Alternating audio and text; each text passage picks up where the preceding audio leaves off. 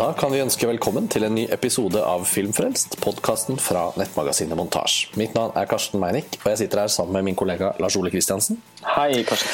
Og vi har akkurat returnert hjem til Norge fra filmfestivalen i Berlin, men vi skal lage én episode til om årets festival, og det er denne episoden. Den skal handle om Chirac, den nye filmen til Spike Lee. Og det var en av våre favoritter på festivalen. Så nå som vi har returnert øh, til våre trygge hjem og kan summe oss litt, så føles det egentlig naturlig å kunne fokusere litt på en av de filmene vi satte mest pris på. Ja, dette var liksom en av de Jeg føler det var en av de, en av de to filmene som vi sånn skikkelig tok med oss hjem fra Berlinalen i år. Ja, det var... da Grand filmen som vi allerede har laget en podkast om, 'Marcel la nuit', ja. og, og er da Chirac. Ja, og, og, så kan man jo si at kanskje bare si det før, før vi går videre, at filmfestivalen i Berlin i år var, var, ganske variert, og det var en del interessante signaler som kom fra filmene vi så, og samtaler som ble igangsatt, men de store sånn klassiske høydepunktene, hvor man føler man har sett en film som går rett inn i filmhistorien, det var det ikke så mange av. Og det er kanskje det Malgrena Nui og Chirac som er, egentlig er de to filmene i hvert fall vi satte mest pris på. Ja, eh, og Berlinalen i fjor var jo nesten en sånn utømmelig kilde til oppdagelse, følte jeg. husker jeg vi skrev om i en sånn dialogartikkel eh, og, og vel snakket om på podkast også, at, det var en, at 2015 liksom var en sjeldent god årgang i Berlin. Fordi Berlinalen har det jo med å liksom være litt opp og ned. Og årets føltes vel litt mer som en sånn mellomutgave. Eh, for all del en del morsomme ting å, å, å, ha sett, men får få man liksom virkelig føler at uh, igangsatte noe veldig spennende, eller uh, Og får man liksom også føle for å liksom pushe på norske distributører og lage sånn Nettopp. Da. Og kanskje Derfor så skilte jo også Chirac seg veldig ut, fordi den har, var en sånn knyttneve. Det, det, er jo som vi da har snakket mye om underveis i festivalen, så er jo dette en eh, politisk film som, som, lykkes enormt godt med å være en sånn flammende knyttneve som har et budskap, og som er en film som liksom fortelles i capslock. i Alt er i store bokstaver. Altså har, og kanskje på en festival med enormt mange intense opplevelser, så ville kanskje denne ved siden av andre filmer ikke føltes så ekstrem, men jeg følte I hvert fall jeg, eh, for jeg hadde en helt sånn eksplosivt fin opplevelse med denne filmen. Det, var noe med at den var, man også vekket hele publikum ut av en søvn, eller et eller annet i den dur. Den har en sånn eh, helt ekstrem eh, både visuell og tematisk energi, som jeg satte veldig pris på. Ja. Det var noe et eller annet med at vi dagen før hadde sett et østerriksk slags brevvekslingsdrama filmet som et radioprogram. ja, det var kanskje ikke Det var kanskje ikke en av de flammende, flammende faklene fra årets Berlinale? Nei, altså, det var ikke akkurat en bombe som gikk av i, i, i kinosalen. I, radiostudio? Nei. Eh, så, så etter, etter, en sånn opplevelse som den, og et par andre ganske lignende, eh, litt sånn tranaktige filmopplevelser, så, så, så var det ganske godt å få lov til å møte Chirac Chirac og første, fra første sekund oppleve at den filmen eh, henvender seg sånn glefsende eh, til, til, til, publikum, og ikke akseptere på noe som helst tidspunkt at noen skal kjede seg eller være likegyldig til det som skjer på lerretet. Filmen begynner jo med en alarm. Ja, den, den er, den er ganske én til én i hvordan den sier til publikum at denne filmen er ikke bare i gang, det er en jævla viktig film, og vi vil at du skal følge med. Det er sånn, Den står nesten bokstavelig talt skrevet over lerretet. Um, men kanskje vi skal si noe om Chirac til de som ikke vet. Altså Spike Lees nye film uh, den, er, uh, den, har jo vært en del omtalt, men den har en litt spesiell produksjons- og lanseringshistorie. Den er finansiert av Amazon. Uh, og har ikke blitt altså Den har hatt en liten kinolansering i USA før jul, men så har den gått rett på uh, streaming og DVD og Blu-ray uh, via Amazon, eksklusivt på Amazon. Og, og europapremieren i Berlin var jo selvfølgelig en, en anledning for filmen til å begynne sitt liv ut i resten av verden, men det er fortsatt veldig usikkert hvordan den lanseringen kommer til å ta form, og filmen har heller ikke noen oppsatt kinolansering i Norge. Men for de som følger med på det Spike driver med, så er jo en ny film fra han eh, alltid en ting man eh, ser frem mot med en viss form for nysgjerrighet, i hvert fall de som er veldig opptatt av Spike Lee. Jeg føler alltid har liksom vært sånn på gjerdet med å være virkelig inne i Spike Lee, men før Berlinanen så var det også viktig for meg å, å tenke at nå skal jeg endelig liksom, nå skal jeg forberede meg litt. Det kommer en ny Spike Lee-film, og traileren og, og plottet i seg selv har jo vært veldig interessant. så, så kan hende mange har hørt om den. Men det er, det er jo kort fortalt eh, en adaptasjon av eh, den greske komedieklassikeren, altså fra den greske klassiske litteraturen, da, eh, Lysistrata som handler om kvinner som går til sexstreik for å stoppe krigen på, på Peloponnes-halvøya.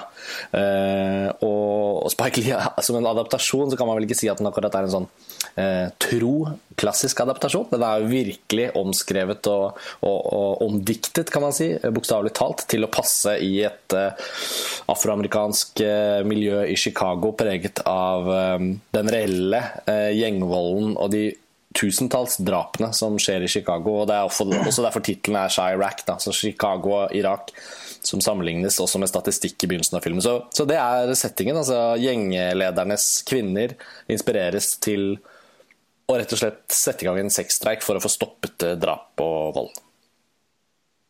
Godt oppsummert. Uh, filmen er på en måte tidlig Spike Lee, kanskje spesielt Do the Right Thing, som møter eh, Bass Lermans Romeo pluss Julie, på en måte. Fordi eh, filmen føles jo ganske sånn postmoderne i, i, i, hele sitt liksom, vesen. Eh, og den foregår jo da på rim. Eh, men istedenfor å følge Aristofanes originaltekst, eh, på samme måte som eh, Lerman fulgte Shakespeare. Shakespeares originaltekst i Romeo pluss Julie, så har jo da Spike Lee i samarbeid med en annen manusforfatter, nå husker jeg ikke hva han heter Kevin Wilmot. Ja. har jo da beholdt liksom denne beholdt formen, men eh, Inkludert koret, i form av Samuel L. Jackson som en slags sånn som bryter den fjerde veggen. Og, ja, det er veldig yes. fiffig. Uh, og, men, uh, men, de har jo da hiphopifisert og selvfølgelig altså tilpasset Det er ikke noen av replikkene da, som, som liksom høres ut som Aristofanes. En, har en moderne og liksom rapp-hiphop-aktig sjargong, men, men, det er på rim, da. Eh, og jeg har vel aldri sett noen gjøre et sånt stilgrep i, i, man, på, i, liksom, i manuset mm. som føles så uanstrengt og liksom flytende. Mm. Den type grep kan veldig ofte gjøre at jeg får vanskeligheter med å komme inn i en film. At jeg blir sittende og se på scenene, og kanskje til en viss grad liksom leve meg inn i dem også, men på et eller annet tidspunkt liksom nesten slutter å høre på hva de sier. Fordi det eneste jeg hører, er Eh, et forsøk på liksom eh, på å mestre en, en, en, en liksom merkelig stil. Ja, og, eh, og, Shakespeare har jo vært særlig et offer for dette. Da, altså at de litt sånn overseriøse Shakespeare-adaptasjonene som nesten bare er bent som sånn audition-videoer for britiske skuespillere som kan rive unna 300 sider med Shakespeare på rim. Det blir ikke god cinema, på en måte, av det. Nei, altså, Spike Lee, denne filmen må ikke misforstås for å lide av det. Ja. Kenneth Branaghs Henry V og sånn, som for meg er sånne skrekkeksempler. Oh, the, Ja. Det er veldig lite av det i Chirac, men den har den, Nesten kan man si at den ved å være en adaptasjon nettopp av et sånt klassisk stykke på, på veldig musikalsk rim og veldig sånn flott og klassisk, og så samtidig være så vevd inn i afroamerikansk kultur og all den hiphop attituden og popkulturen og musikken og, og filmen liksom absorberer det 100 da, Som gjør selvfølgelig at teksten som en fortolkning blir jo også et veldig veldig kult eksempel på også hvor rappen i seg selv kom fra. Altså Som et, som et eh, stiluttrykk og en musikksjanger som kommer ut av en kultur som har behov for å fortelle sine egne historier og fortelle, liksom, sette ord på det på sin måte og skape sin egen kultur, så handler jo faktisk Chirac også veldig mye om om eh, utfordringer som er knyttet til de sorte amerikanernes livssituasjon, særlig i Chicago. Da, men også, den blir jo liksom en bredere fortelling om det samme fordi filmen også henvender seg direkte til veldig mange konkrete og politisk betente eh, virkelige historier i USA. altså Navnene på svarte tenåringer som har blitt skutt av hvite politimenn. Eh, terror, altså sånn terrorangrep av white supremacists som har liksom skutt folk i en kirke. Og referanser til, til uh, Four Little Girls, Spike Lees egen dokumentarfilm om de jentene som blir drept. Mm. Uh, nå husker jeg ikke helt når det var, men altså den kirken uh, som den er, også, den delen, er også åpningsscenen i Selma av Ava Duvernay, så det går tilbake yes. til liksom, borgerrettskampen. Og Chirac er liksom totalt spekket av referanser til og, og politiske innlegg om afroamerikansk kultur de siste 50 årene. Og, og, gjennom å både være et så liksom lekent cinematisk verk som virkelig spiller på og ironiserer også over sin egen form, og, og er hele tiden sånn selvbevisst og, og, gjør oss selvbevisste på vår opplevelse av filmen, så er ikke det politiske budskapet er, er ikke liksom eh, tullet bort det er gravalvorlig, samtidig som den er så lekende underholdende. Og den fremstår jo nesten som en musikal også. Så det er en sånn film som prøver på så sykt mye, og får til, etter mitt syn, nærmest alt. Ja, den får til så til, ja. Det var morsomt når du sa i stad, det hørtes ut som en sånn litt sånn eh, durkdreven norsklærer som, som, skal, som, skal møte, som skal møte ungdommen og si ja, dere visste kanskje ikke det, men rappen den kom faktisk fra ja. det gamle Grekenland. Ja, problemet mitt var at jeg ikke sa det på nynorsk, da. Ellers hadde jeg Ellers hadde jeg truffet den, den rollefiguren. Ja, men hva kan jeg si? Det er, det er nå engang sånn at jeg fikk den følelsen. Uh, ja, men altså, jeg er jo helt uh, enig. Ut ifra hvordan altså- Spike Lee og han Kevin Newmott har angrepet den, denne, denne, dette prosjektet som en adaptasjon. Altså, så kan man si så mye om filmspråket og det de har gjort i, i den faktiske filmen, men du trakk jo også frem dette med at manuset i seg selv har noen sånne valg som er utrolig fiffige. Uh, men selvfølgelig i selve iscenesettelsen og hvordan det er skutt, og, og, vi skal vel sikkert komme inn på noen av skuespillerne, og sånn, så er det jo ja, gjort uh, ganske mange tilleggsgrep. da. Men jeg syns selve adaptasjonen er veldig uh, fiffig her.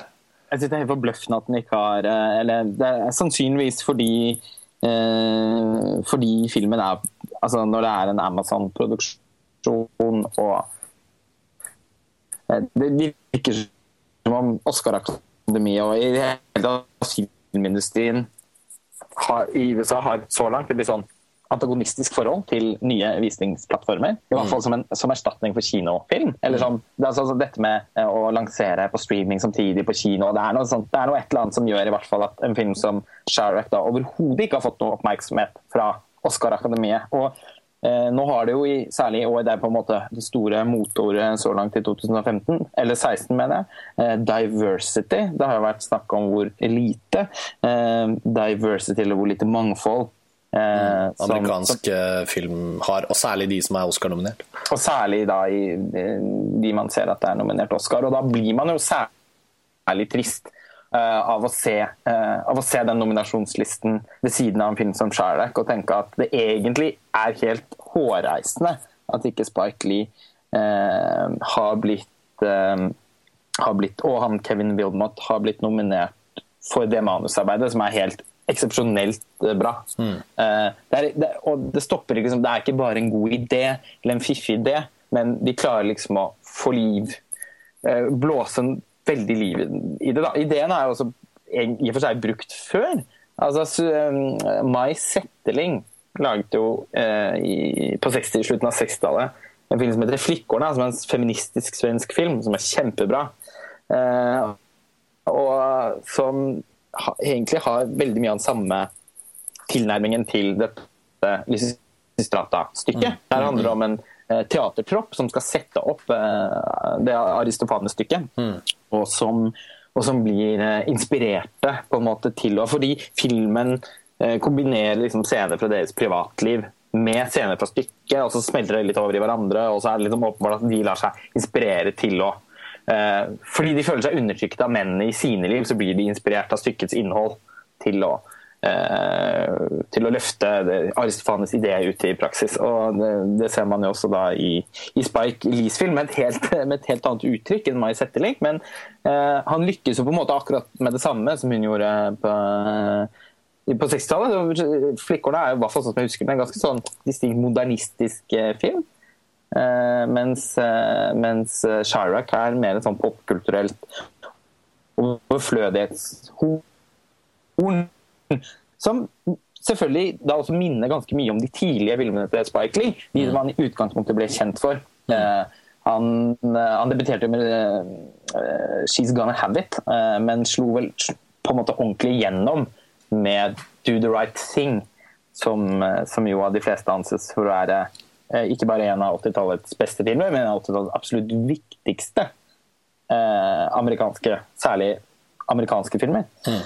Eh, og, og, den er jo en veldig sånn Der eh, skildrer han jo Brooklyn, hvor han kommer fra, veldig sånn på gateplan. Eh, og er utrolig opptatt av Eh, av rase, og, hva, og hvordan eh, den sammensatte liksom, kulturen eh, i USA i praksis leder til noen veldig veldig vanskelige situasjoner, og at egentlig hele den raseproblematikken som USA har slitt med i århundrer, er, er, veldig sammensatt, og fortsatt noe man er nødt til å være bevisst på. Så det er på en måte kanskje liksom offentligheten i større i hvert fall de siste 40-50 årene har liksom glattet over dette som, som, noe, som, noe, som kanskje ikke lenger eh, egentlig er et problem. Så mm. sier jo Spike Lee veldig sånn aggressivt med filmene sine at jo, det er det, og vi er nødt til å forholde oss til det. Og, og han har jo også en litt sånn Black Power-aktig tilnærming til det. Mm. Eh, han har jo også da laget en, en film og, som, eh, om Malcolm X med mm. samme navn, som var på vår 90-tallslisten. Mm. Må bare skyte inn her at uh, jeg vet at jeg har nevnt på Filmfrelst ved et par ganger tidligere, kanskje spredt over et par år, at Do the Right Thing alltid har vært et sånt filmhistorisk hull for meg. En film jeg faktisk ikke hadde sett. Så nå, nå da vi skulle, før vi skulle til Berlin, og jeg visste vi skulle se Chirac, så fikk jeg endelig sprukket den byllen. Så nå kan jeg også si at jeg har sett Do the Right Thing. Og det viste seg jo å være en ekstremt, ikke bare selvfølgelig en sentral film for å forstå Spike Lees filmografi og, og liksom kunstnerskap, men den er jo, og føles jo faktisk som en, en, en veldig klar uh, det føles som han har en veldig sånn klar tilhørighet til hva han gjør i Chirac. Altså, mm. De to filmene sånn som du er inne på nå, uh, har et uh, søskenskap, et søsterskap, som liksom litt også handler om at ok, nå er det gått 27-28 år siden Do the Right Thing, og mye av det han tar opp i den filmen, er jo Eh, fortsatt, som du sier, et problem i USA. Men ikke bare et problem i USA, men også det at det fortsatt er så viktig for Spike Lee. At ikke han har liksom blitt en gammel krok som har gitt opp sakene sine. Han virker jo nesten sintere nå enn han noensinne har vært. Og, ja.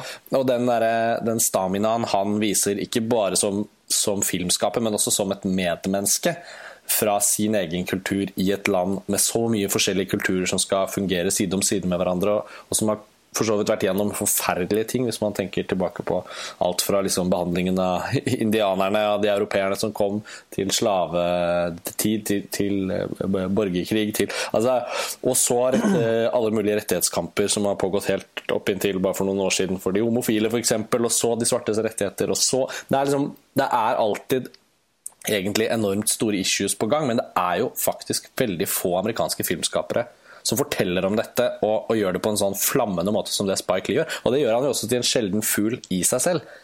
Ja, også fordi han nesten alltid har diskutert tematikken uten å måtte å liksom ty til å lage et historisk drama. Sånn som f.eks. Ava DuVernay gjør i 'Selma', som jeg for seg syns er en helt strålende film. Mm. Men um, den ene gangen han gjør det, er jo da i 'Malcolm X', mm. uh, som er en ganske tradisjonelt biografisk film, men som også er uh, veldig, veldig god. Men um, det, altså, Chirac har mye mer til felles med, med, med da, ja, altså Do the Right Thing, som sagt, men også Jungle Fever, Clockers. Altså, han, han, er liksom tilbake på gata igjen, og det føles mm. som at han er veldig veldig hjemme for, uh, for, første gang på ganske lenge. Altså, nå har jo ikke Spike Lee hatt en skikkelig suksess siden, uh, siden Inside Man. Inside Man ja.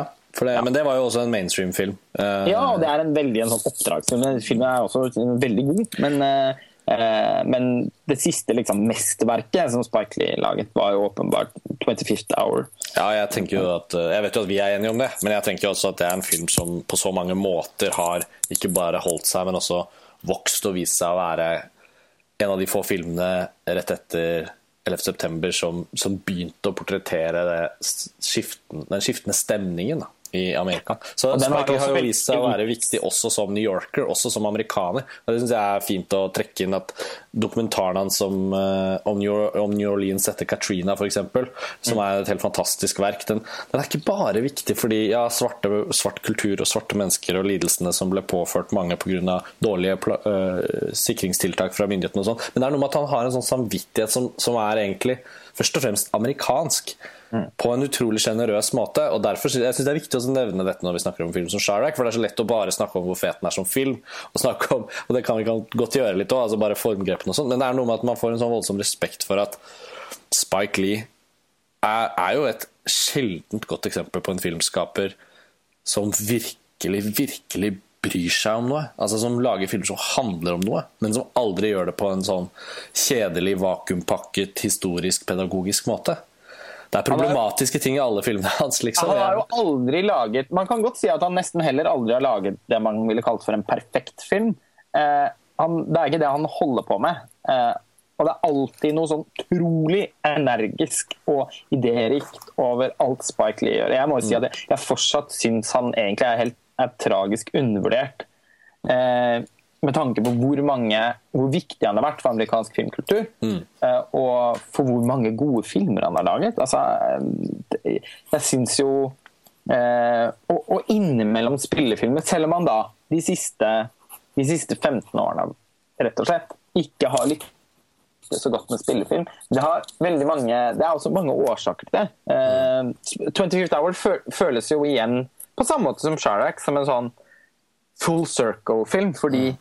Der kommer den også liksom, Det er ganske mye do the right thing i 25th Hour. Mm. Selv om det da ikke er satt i et sort eh, miljø. Mm. Eh, men altså, det er bare enkelte liksom, motiver og nesten scener som mm. er Og montasjer. ja, som filmene har til felles. Ja. Så, ja. eh, men så lagde han en veldig sånn crazy idé. Jeg syns den er litt morsom, jeg, da. Men uh, det her er She's Gone Nei, ikke She's Gone I Have It, men uh, She Hate Me etterpå. Og da gikk det på en måte rett i dass. For den var det ingen som likte, og enda færre som så. Og så kom Inside Man som en sånn Uff, nå, ja, nå må jeg liksom gjøre denne filmen. Ja, han gjorde den litt for, for Ja, studiet. For å rette opp litt, eh, tror jeg. Og den er kjempebra, og, var en, det er vel hans største kommersielle suksess, tror jeg. Eh, og så laga han The Miracle of Santana-filmen, som jo da ikke ble en suksess. Den har jeg da ikke sett. Eh, og så et, og særlig etter den så har det også vært veldig vanskelig Det har blitt vanskelig for ham å få finansiert filmene sine. Og da har han måttet ty til en del sånn crowdfunding og sånn, f.eks. både på Red Dog Summer og den der The Sweet Blood of Jesus. The Sweet Blood of Jesus fikk jeg aldri sett, men Red Hook Summer så jeg, og den var på en måte også en retur til liksom, de tidlige filmene hans. Det er også en sånn gatefilm, Brooklyn. Eh, har ganske mye fint i seg, men også totalt sett så var den også en ganske sånn sørgelig eh, gammelmanns ønskereprise av de tidlige tingene. Så der ble jeg oppriktig, etter den så ble jeg oppriktig bekymret for at han rett og slett har mista det. Eh, men så innimellom dette her så har han laget noen veldig bra dokumentarer. Eh, du nevnte jo Katrina-dokumentaren i stad. men også den, den Michael Jackson-dokumentaren eh, Bad 25, mm. syns jeg var, særlig den lange versjonen, veldig god. Eh, og nå har han jo laget enda Michael Jackson-dokumentar om Off the Wall. Som en Ja, eh, stor fan så gleder jeg meg veldig til den, selv om den har fått egentlig litt sånn lunken mottakelse fra Svennes. Men det virker jo som han har, eh, han har, liksom, han har en sånn spirit og en sånn produktivitet over seg som gjør at han i hvert fall ikke Det virker jo ikke som han på noen måte har til hensikt å, å ikke lage film. Det virker som han har en sånn, det er noe, noe nødvendig over måten han lager film på, som gjør Ja, det at det kanskje aldri helt kan bli den der perfekte filmen. da. Det der vi snakker om ofte om liksom disse filmskaperne som spikker og spikker og pusser og pusser, og så kommer det et eller annet sånn perfekt Ja, er- ut.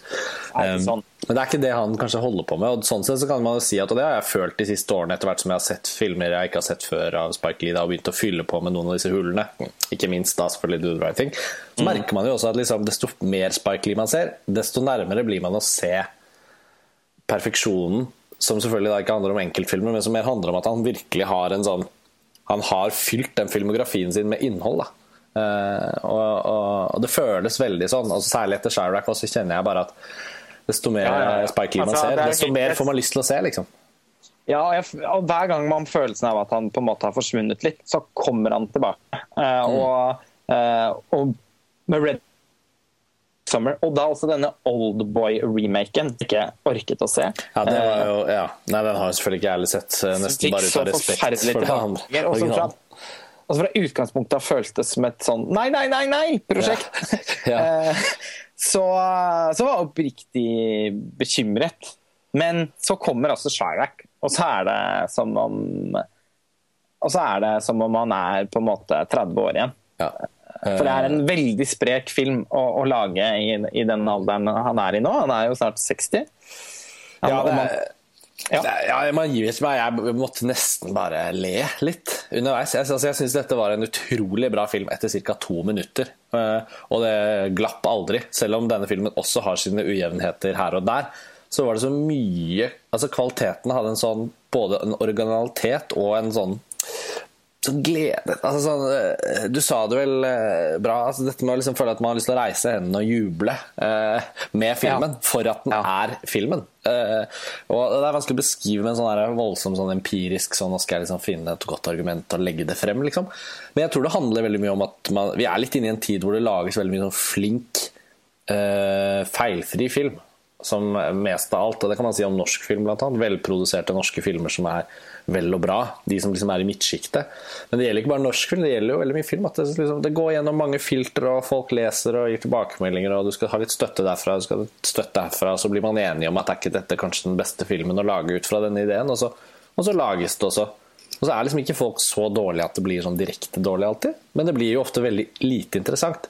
Og jeg føler, jeg føler at en styrke kanskje ved at filmen fikk denne fullfinansieringen av Amazon, og det var sånn Spike Lee, gjør det du vil gjøre.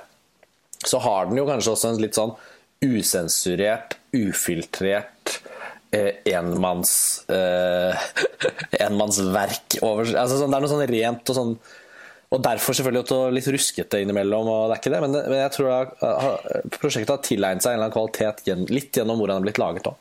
Ja, og så har den ikke blitt laget for knapper og glansbilder. Nei. Altså, den, Det er noen skikkelig imponerende iscenesettelser og store sånne Hva skal man si? eh, jeg skulle ikke si produksjonssystem, men de har liksom tatt i bruk både en kombinasjon av locations og selvfølgelig produksjonssystem til å skape noen ordentlig sånn minneverdige bilder.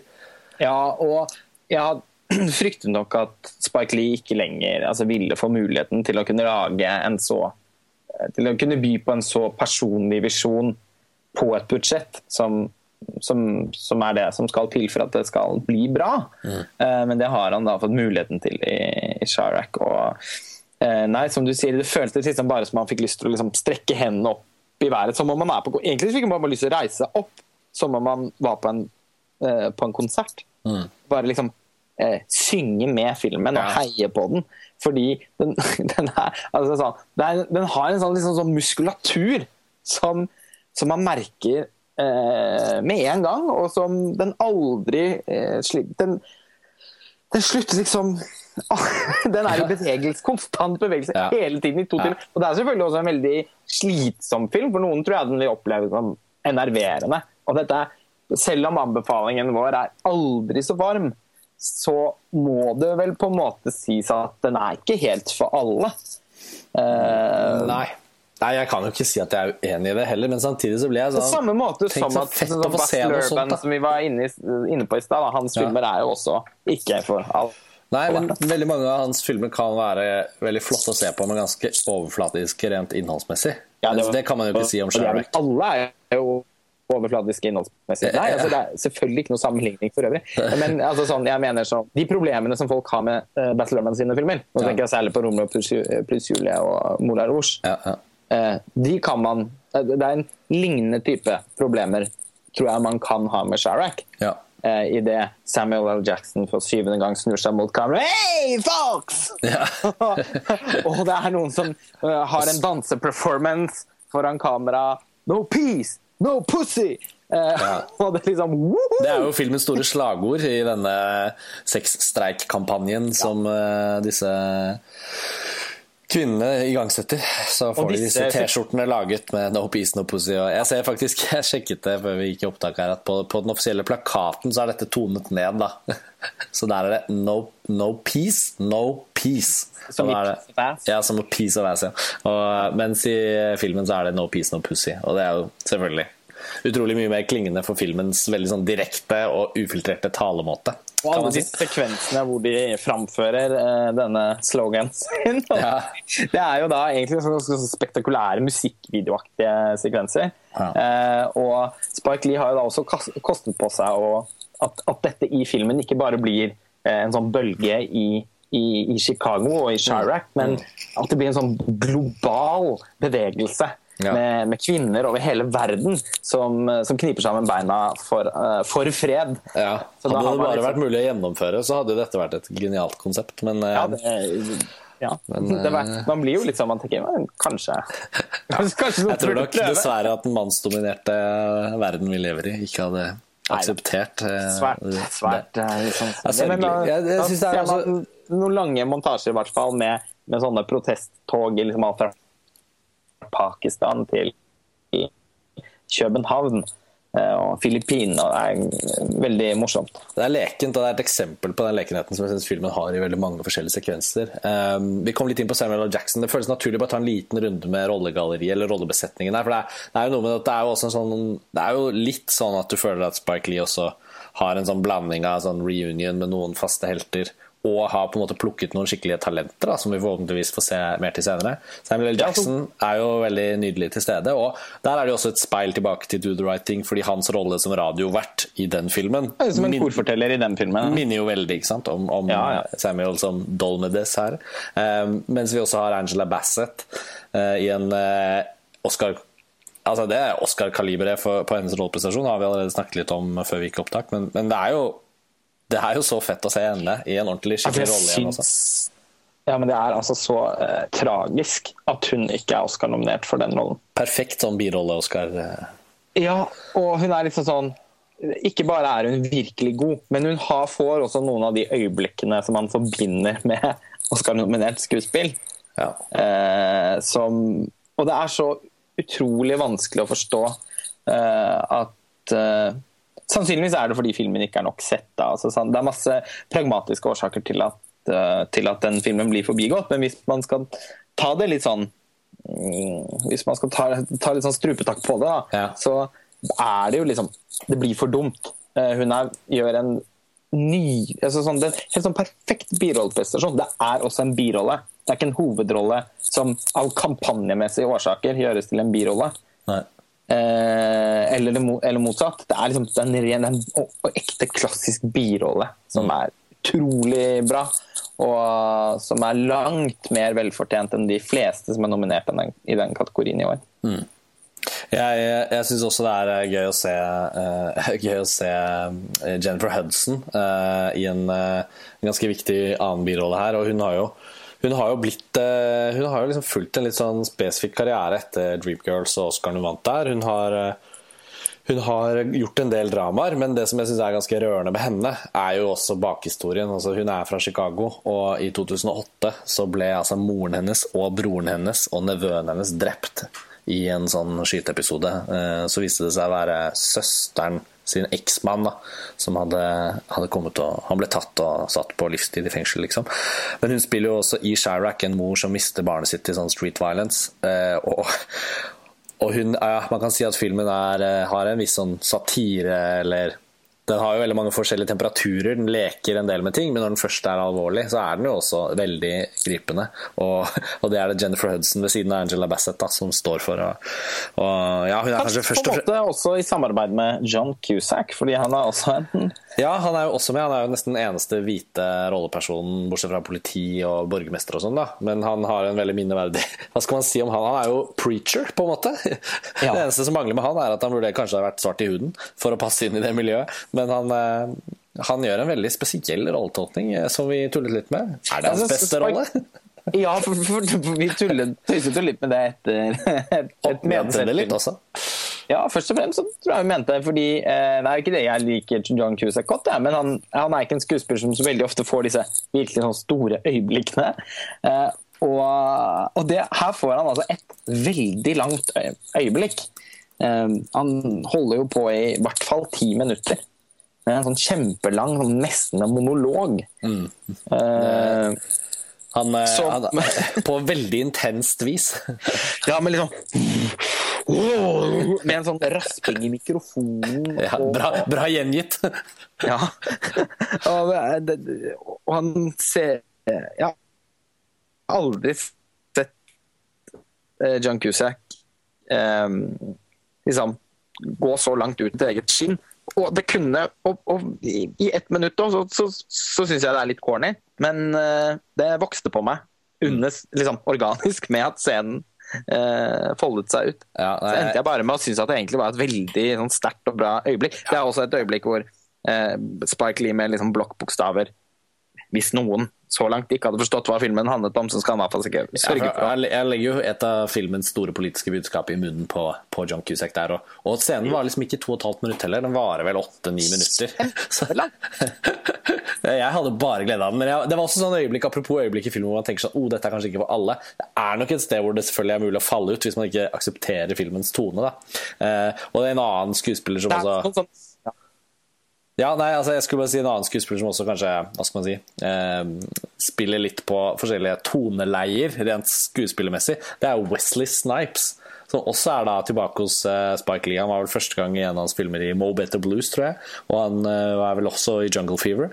Uh, men han har jo Wesley Snipes har jo brukt mye tid på å være actionstjerne og spilt i liksom Blade og alle disse blockbusterne. Men i siste, jeg vet ikke om det er folk, mange som vet det, han har sittet flere år i fengsel han, for skattesvik. Så Wesley Snipes har hatt det litt tungt. Han ble hentet inn igjen til Expendables 3, 3, 3 sier jeg. Expendables 3 men utover det så er det sånn, noen sånne ganske store hull i hans uh, karriere. Og, og, så er han tilbake her. Og han spiller liksom Cyclops, som er liksom den slemme gjenglederen på, på, på, det andre laget da, enn han Chirac, tittelkarakteren. Og, og, Wesley Snipes spiller jo som om han er med i en sånn Avengers uh, Marvel-film. Helt utenfor Han var ikke han var, ikke, han var ikke, min favoritt. Nei, jeg tenkte det var, litt derfor jeg følte jeg måtte nevne det. At det var så vidt jeg også kjøpte det, men det var et av de tilfellene hvor jeg bare ga meg litt hen til filmen. tenkte Nå har de det for gøy, på en måte. Ja, jeg, jeg følte at så, så, underholdende og så sterk òg, som filmen totalt sett er, så, mm. eh, så kan jeg Så unner jeg filmen å ha noen sånne mm. eh, feilsteg, eller om ikke feil, men liksom noen den, den, den, har liksom Det blir litt sånn I love it, warts and all. Ja. Uh, men, den, men, men, noen vorter er det her. Uh, jeg syns jo Spike Lee noen ganger blir litt sånn for bred i humoren, uten at filmen trenger det.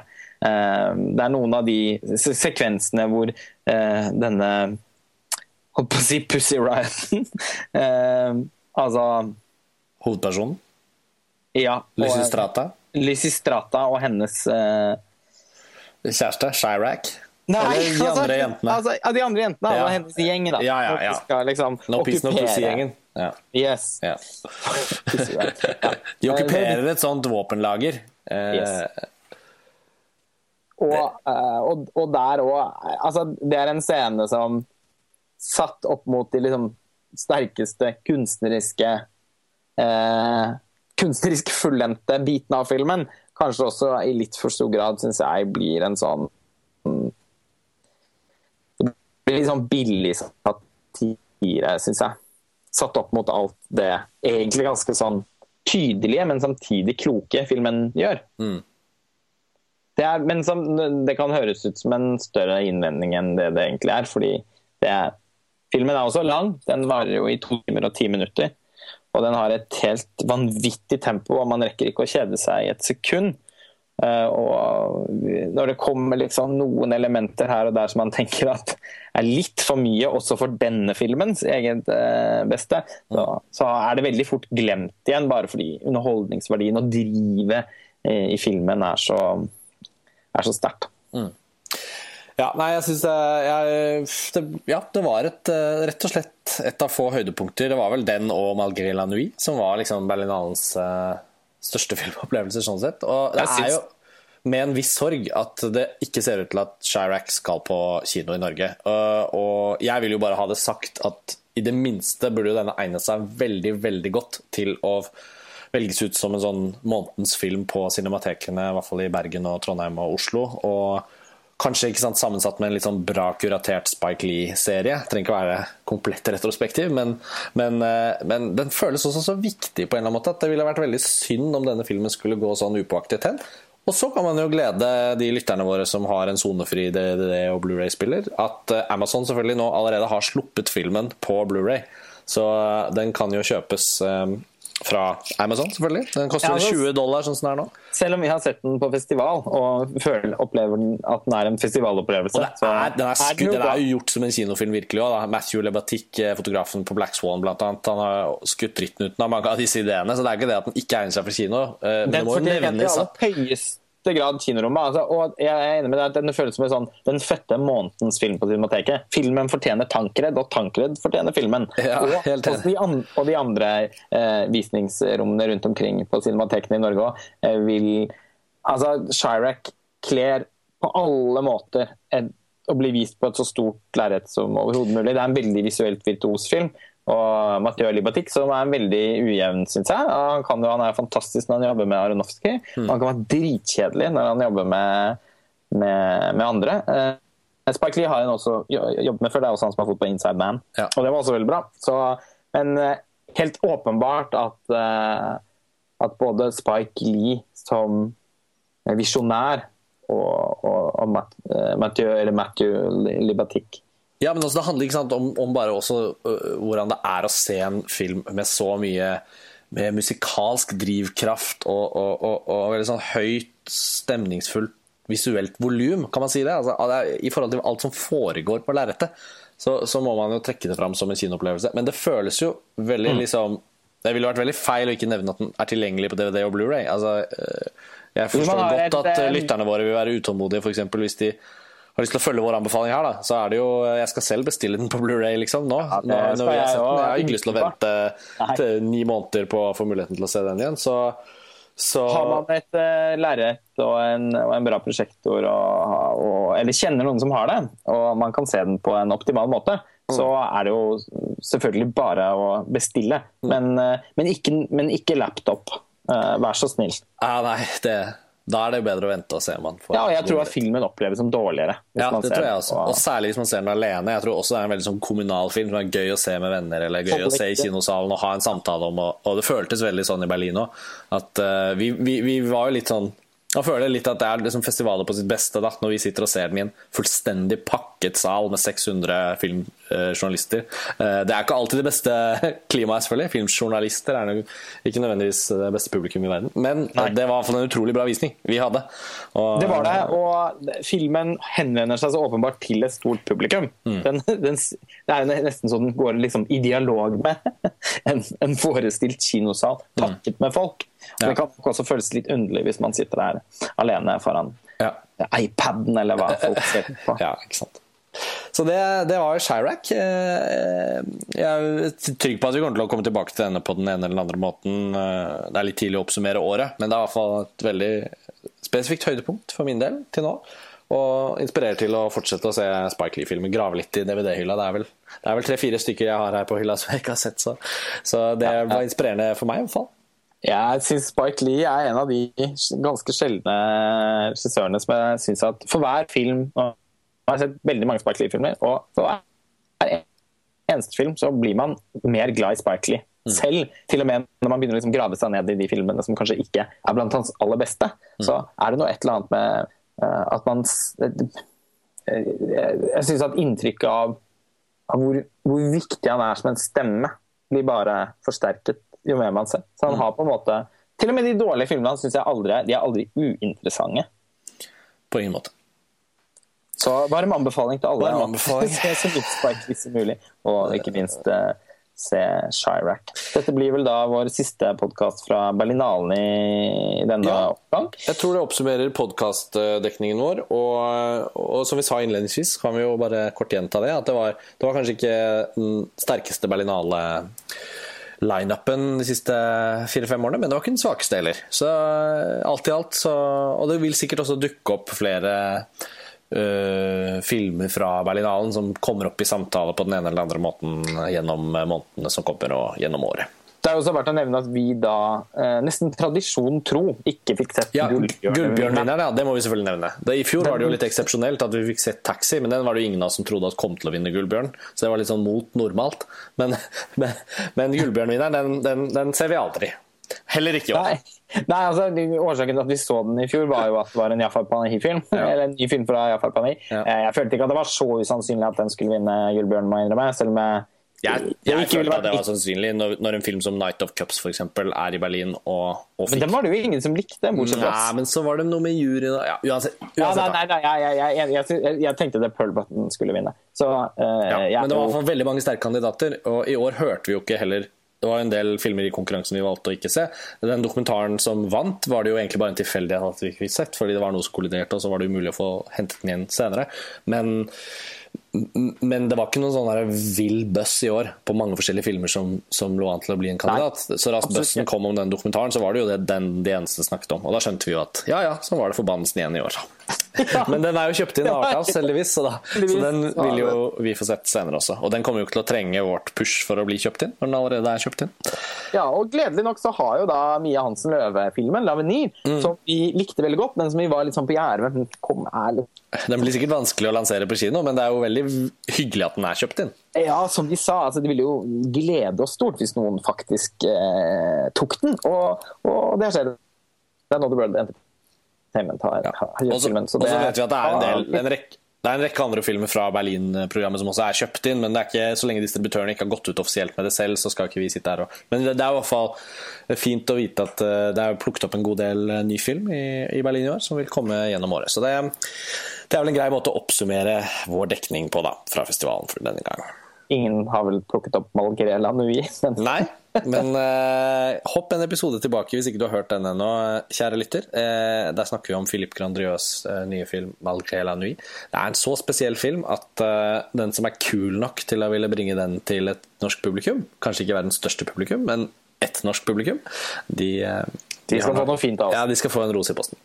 Men uh, da avslutter vi. Uh, takk for at dere hører på. Send oss en e-post hvis dere har For vi har fått veldig mye gode forslag til Filmfrelst-episoder i det siste, og, og, det har vi tenkt å følge opp. Flere av de ideene som har vært nevnt i kommentarfeltene, eller som har vært snakket om på, på en eller annen måte, det har vi notert oss. Så vi har en liten sånn plan nå utover slutten av vinteren og våren. Og, og vi har det. Vi har ikke alltid vært så gode på å ta imot de forslagene tidligere, men det er liksom noe vi har bestemt oss for å litt, men vi har gått litt ja. hardere inn for det nå. Ja. ja, vi har bestemt oss for at vi skal skjerpe oss på det området. Det kan noen ganger ta litt tid, men vi er veldig lyttende og, uh, og, og, og noterer alle forslagene. Det gjør vi.